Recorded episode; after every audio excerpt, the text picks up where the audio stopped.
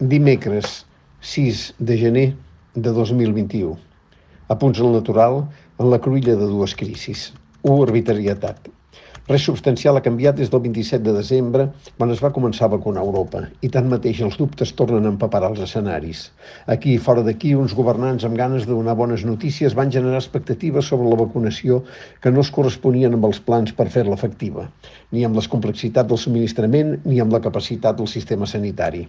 Tanmateix, demanar calma no és fàcil quan les dures dades de l'atur i del ZERTO sembren tot tipus de dubtes sobre la recuperació i alguns sectors ja seriosament tocats veuen com les noves restriccions tornen a caure sobre ells sense acabar d'entendre que els centres comercials o les llibreries siguin menys essencials i més perillosos que les botigues de cotxes o els espais de jardineria.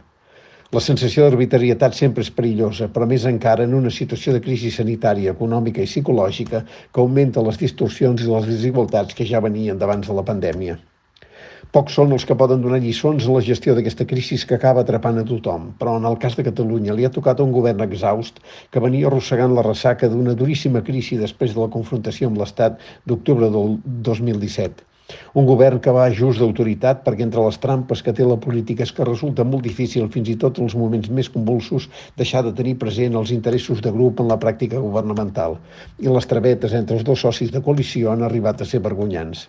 Si en la primera fase de la pandèmia es va funcionar encara amb l'etern recurs de donar totes les culpes a Madrid, ara, en vigílies electorals, les donen obertament entre ells, de manera que els socialistes han vist la possibilitat de que hi pugui haver moviments de fons en les urnes sense cap pudor, en plena pandèmia, han tret el ministre Illa de Sanitat amb l'esperança de fer-se necessaris en la futura governabilitat del país. Dos, independència i pandèmia. Però més enllà de les maniobres partidistes, hi ha un fet que fa especialment importants aquestes eleccions. Els ciutadans són convocats a dir la seva després de dues crisis d'envergadura. La política, el xoc amb l'Estat, la repressió, i la sanitària. Per tant, es tracta d'elegir un Parlament i formar un govern que haurà de canalitzar el futur immediat del país afrontant les transformacions del model econòmic i social que emergiran de la sortida de la pandèmia i creant les condicions perquè el conflicte institucional retorni a la política de la que no havia d'haver sortit mai. Cap força política arriba a sobrar d'aquest moment. L'àmbit de 2017 es va acabar amb què l'Estat va imposar la seva força sense que ningú aconseguís una hegemonia ideològica indiscutible. Han passat tres anys. L'independentisme ha d'assumir que es va equivocar en l'avaluació de forces i que és impossible una ruptura unilateral sense una majoria social molt àmplia, una capacitat coercitiva, començant per la policia i els jutjats, un poder insurreccional, un recolzament d'amplis sectors del poder econòmic i una tutela internacional almenys d'alguna de les grans potències. Sense cap d'aquestes condicions no es va saber frenar temps i consolidar el capital acumulat, que era important però lluny de ser suficient.